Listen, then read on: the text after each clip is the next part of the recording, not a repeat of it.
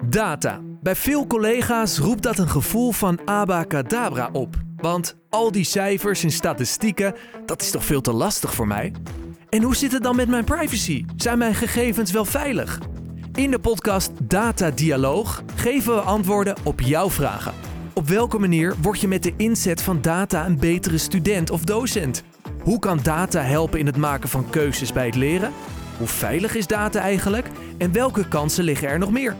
In elke aflevering diepen we in maximaal 18 minuten een nieuw thema uit. En dat doen we onder de leiding van de host Frits van der Weert.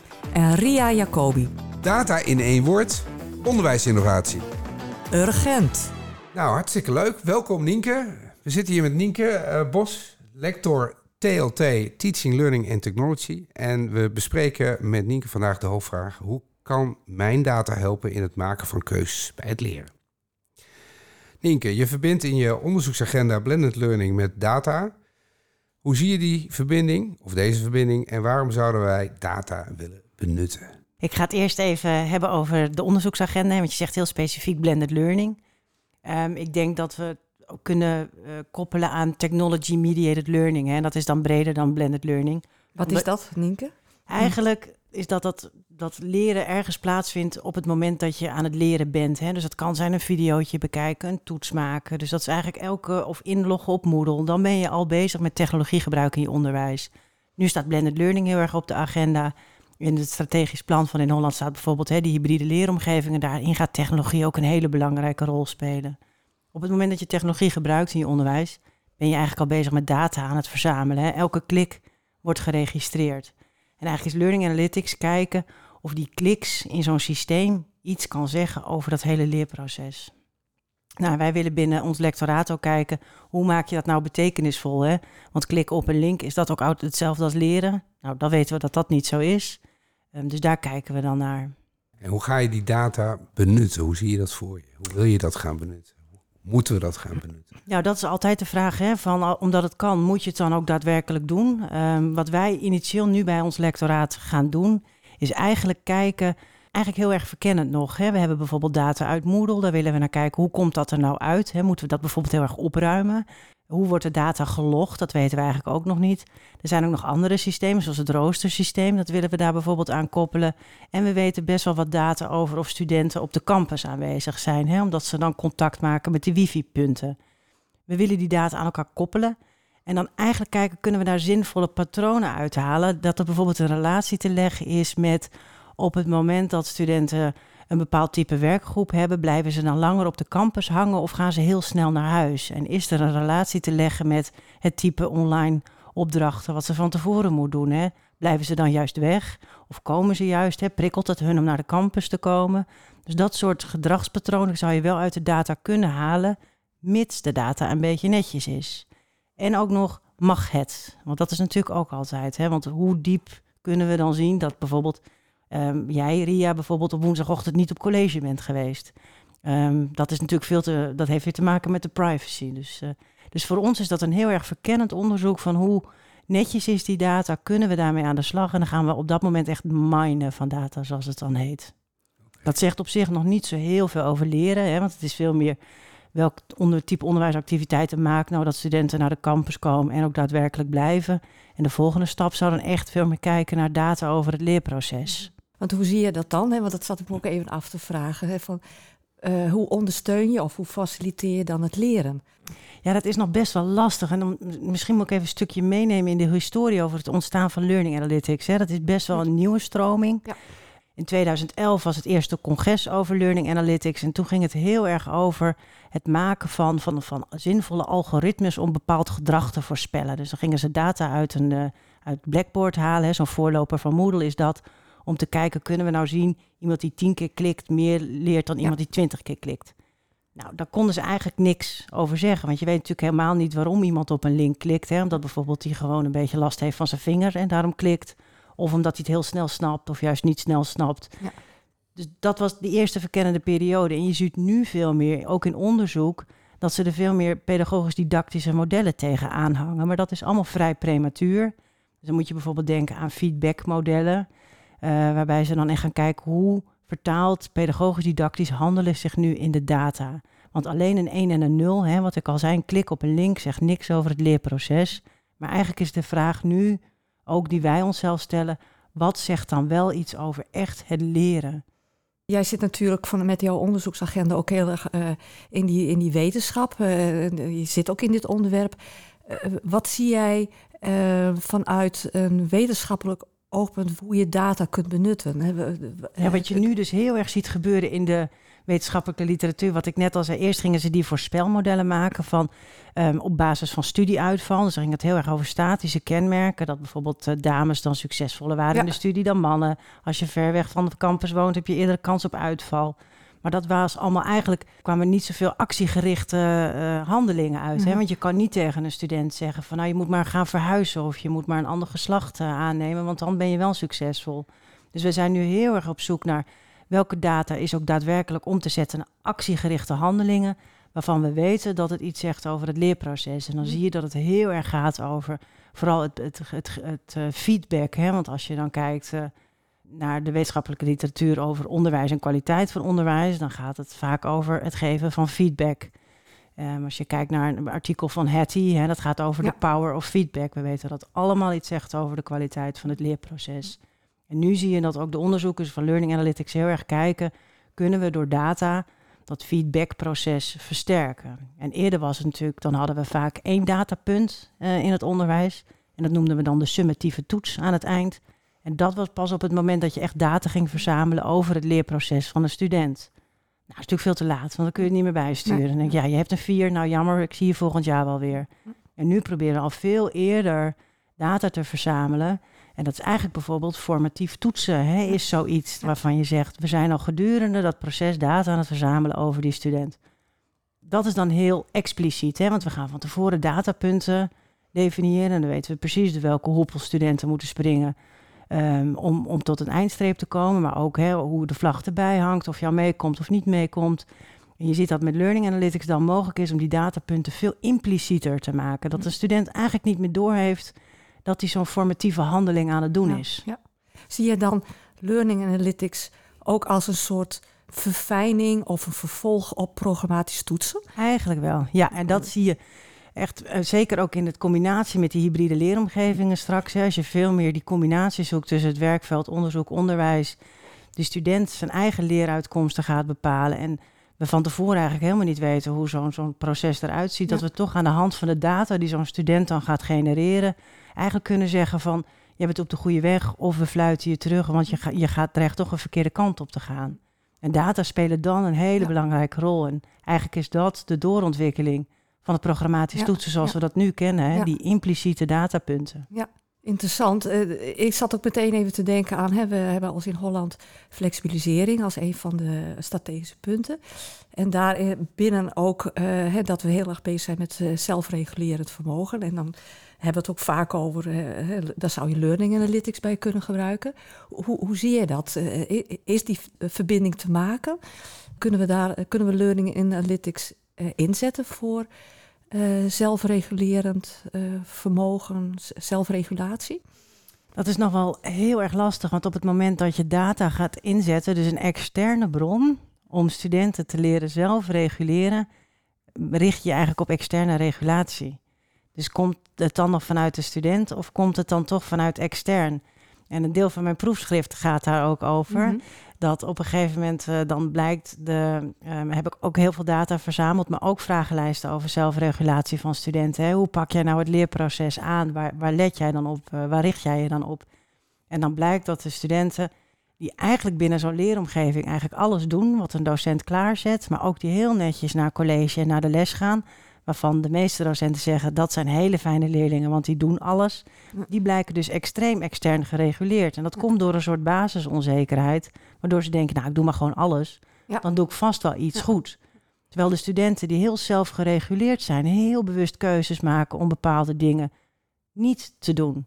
Waardoor je dus uit je datapatroon verdwijnt. Hè? Want we denken, ja, die student die logt minder in in Moodle. Ja, dat kan best wel zijn omdat hij op YouTube van alles zelf zit te kijken. Dan ben je heel zelf gereguleerd.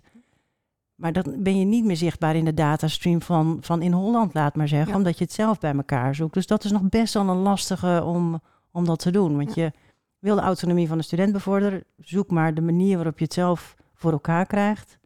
En dat kan dus ook buiten ons zicht om zijn.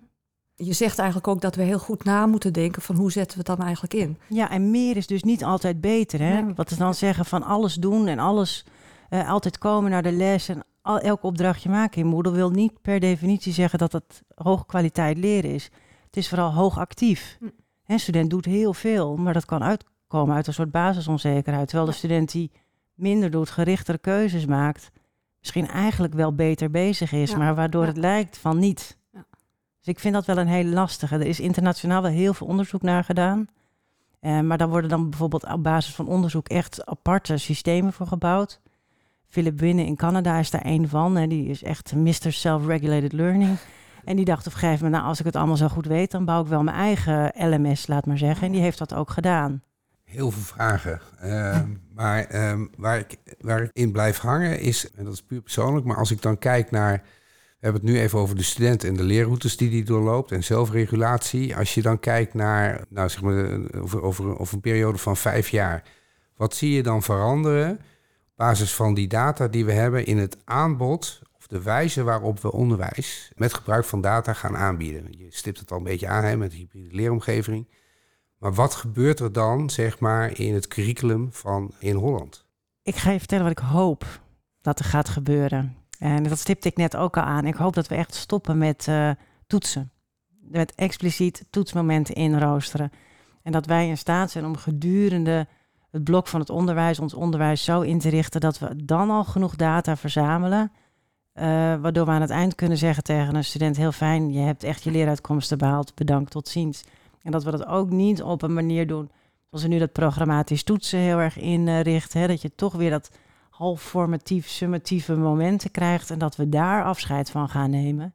Zodat het niet is meer teaching voor de test. Hè, maar dat dat gewoon een continu onderdeel wordt van, dat, van het leerproces van die studenten. Dus dat dat toetsen en leren en doseren eigenlijk heel fluïde wordt. En dat hoop ik dat we dat over vijf jaar al kunnen bereiken. Maar als ik zei, hè, in 2011 is, was het eerste congres over learning analytics. En het ging toen over hele statische voorspelmodellen. Als je kijkt, nu we twaalf jaar verder zijn ongeveer, waar we dan zijn, dan denk ik, ja, denk niet dat we dat binnen vijf jaar gaan halen.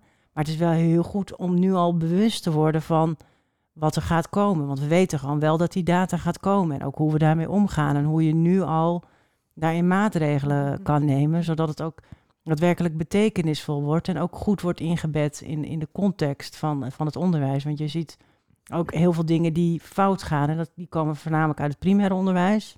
Vert- Vertel even, eh, wat, wat zie je dan? je, je krijgt een heel gezicht van nu komt de sleaze en de deur. nee, nee, maar eh, ik bedoel, van, dan, ben, dan zijn we gewaarschuwd. Nou, zeker. Kijk, wat je bijvoorbeeld ziet, hè, wij willen ook als in Holland natuurlijk veel meer een, een soort netwerk leren organisatie zijn. Hè, transdisciplinair eh, samenwerken.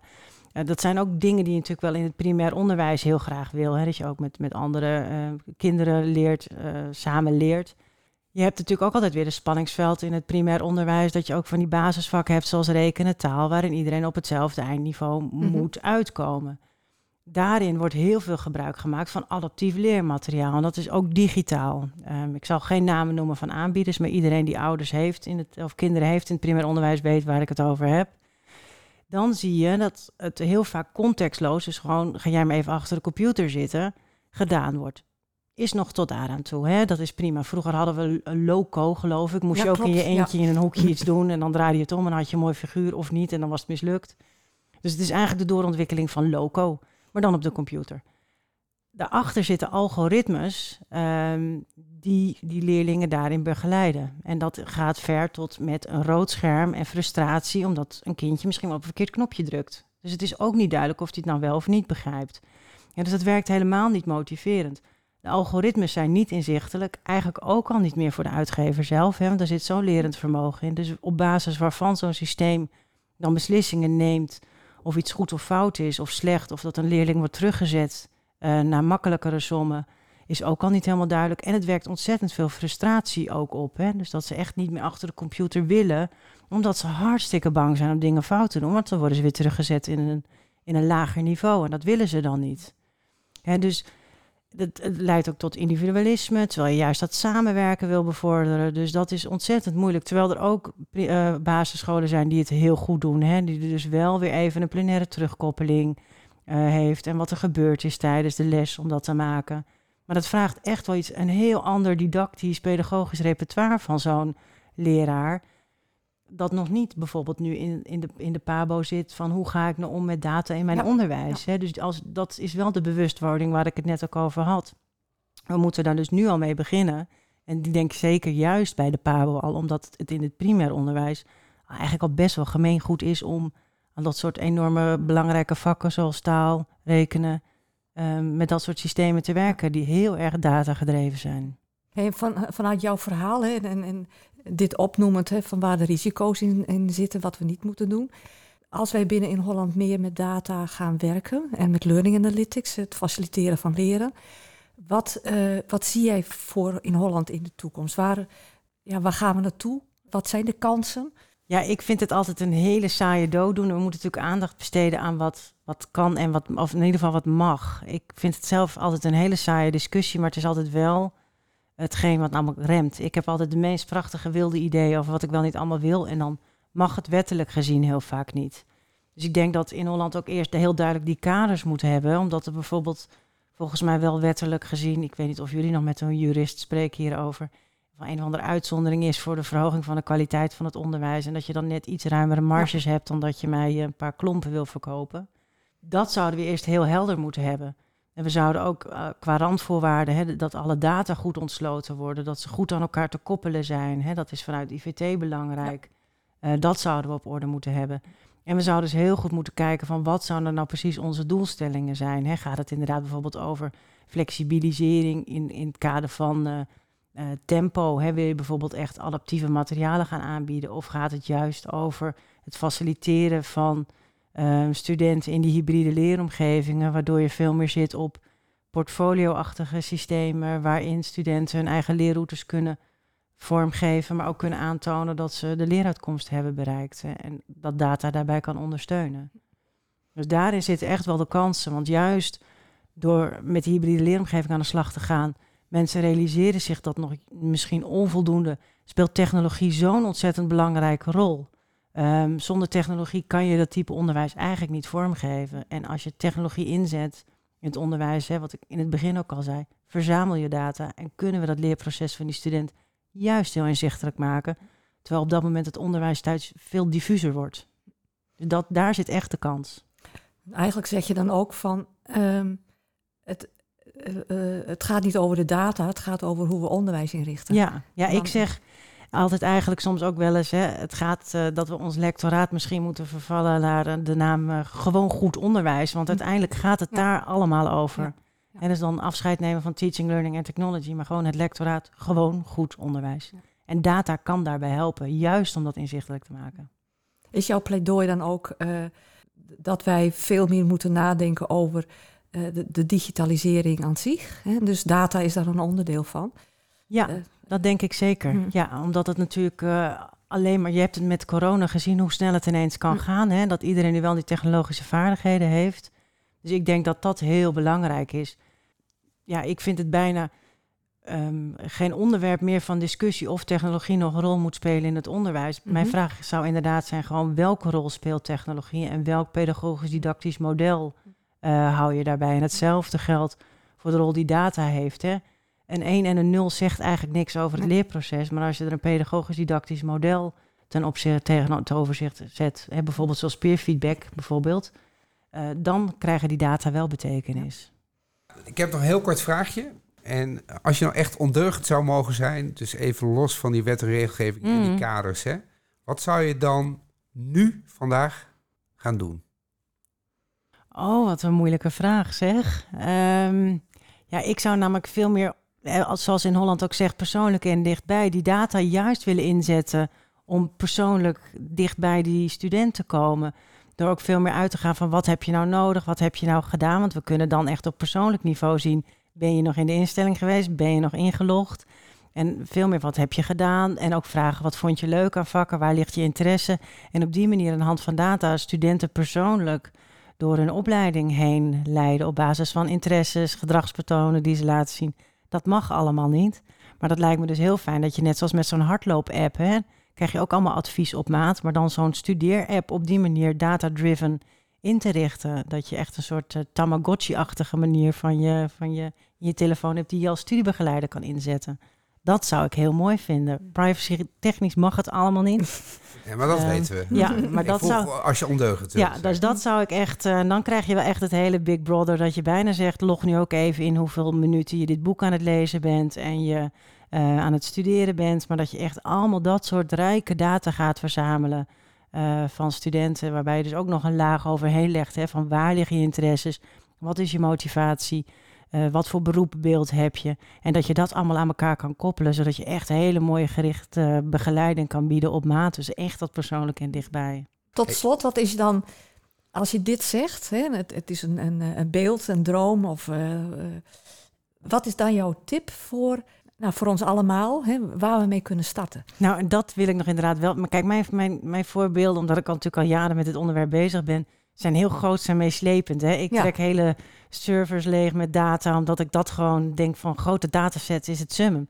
Maar je kan echt daar heel klein beginnen door bijvoorbeeld ook met kleine appjes als Mentimeter aan de slag te gaan. Hè? Dan ben je dus ook data aan het verzamelen over je studenten. En dat kan je bijvoorbeeld ook wel in Moodle doen, hè? door ook daar data te... Dat kan je gewoon eh, naar interesses vragen, maar ook kleine toetsjes ehm, gewoon al af te nemen. Want dan ben je op een hele laagdrempelige manier ermee bezig. Dus niet alles hoeft groot en meeslepend. Begin ook klein en bekijk ook wat die data kan betekenen inderdaad voor jouw onderwijspraktijk om dat al beter te maken. En dat is gewoon gedurende het verloop van je vak en niet aan het einde. Dat is denk ik het belangrijkste wat ik wil zeggen. Inke, dank je wel dat ja, je er graag was. gedaan. Eh, ik hoop dat we allemaal wat ondeugender gaan worden in de toekomst. Ja, Eh, eh, ik denk alleen de juridische afdeling hoopt dat niet.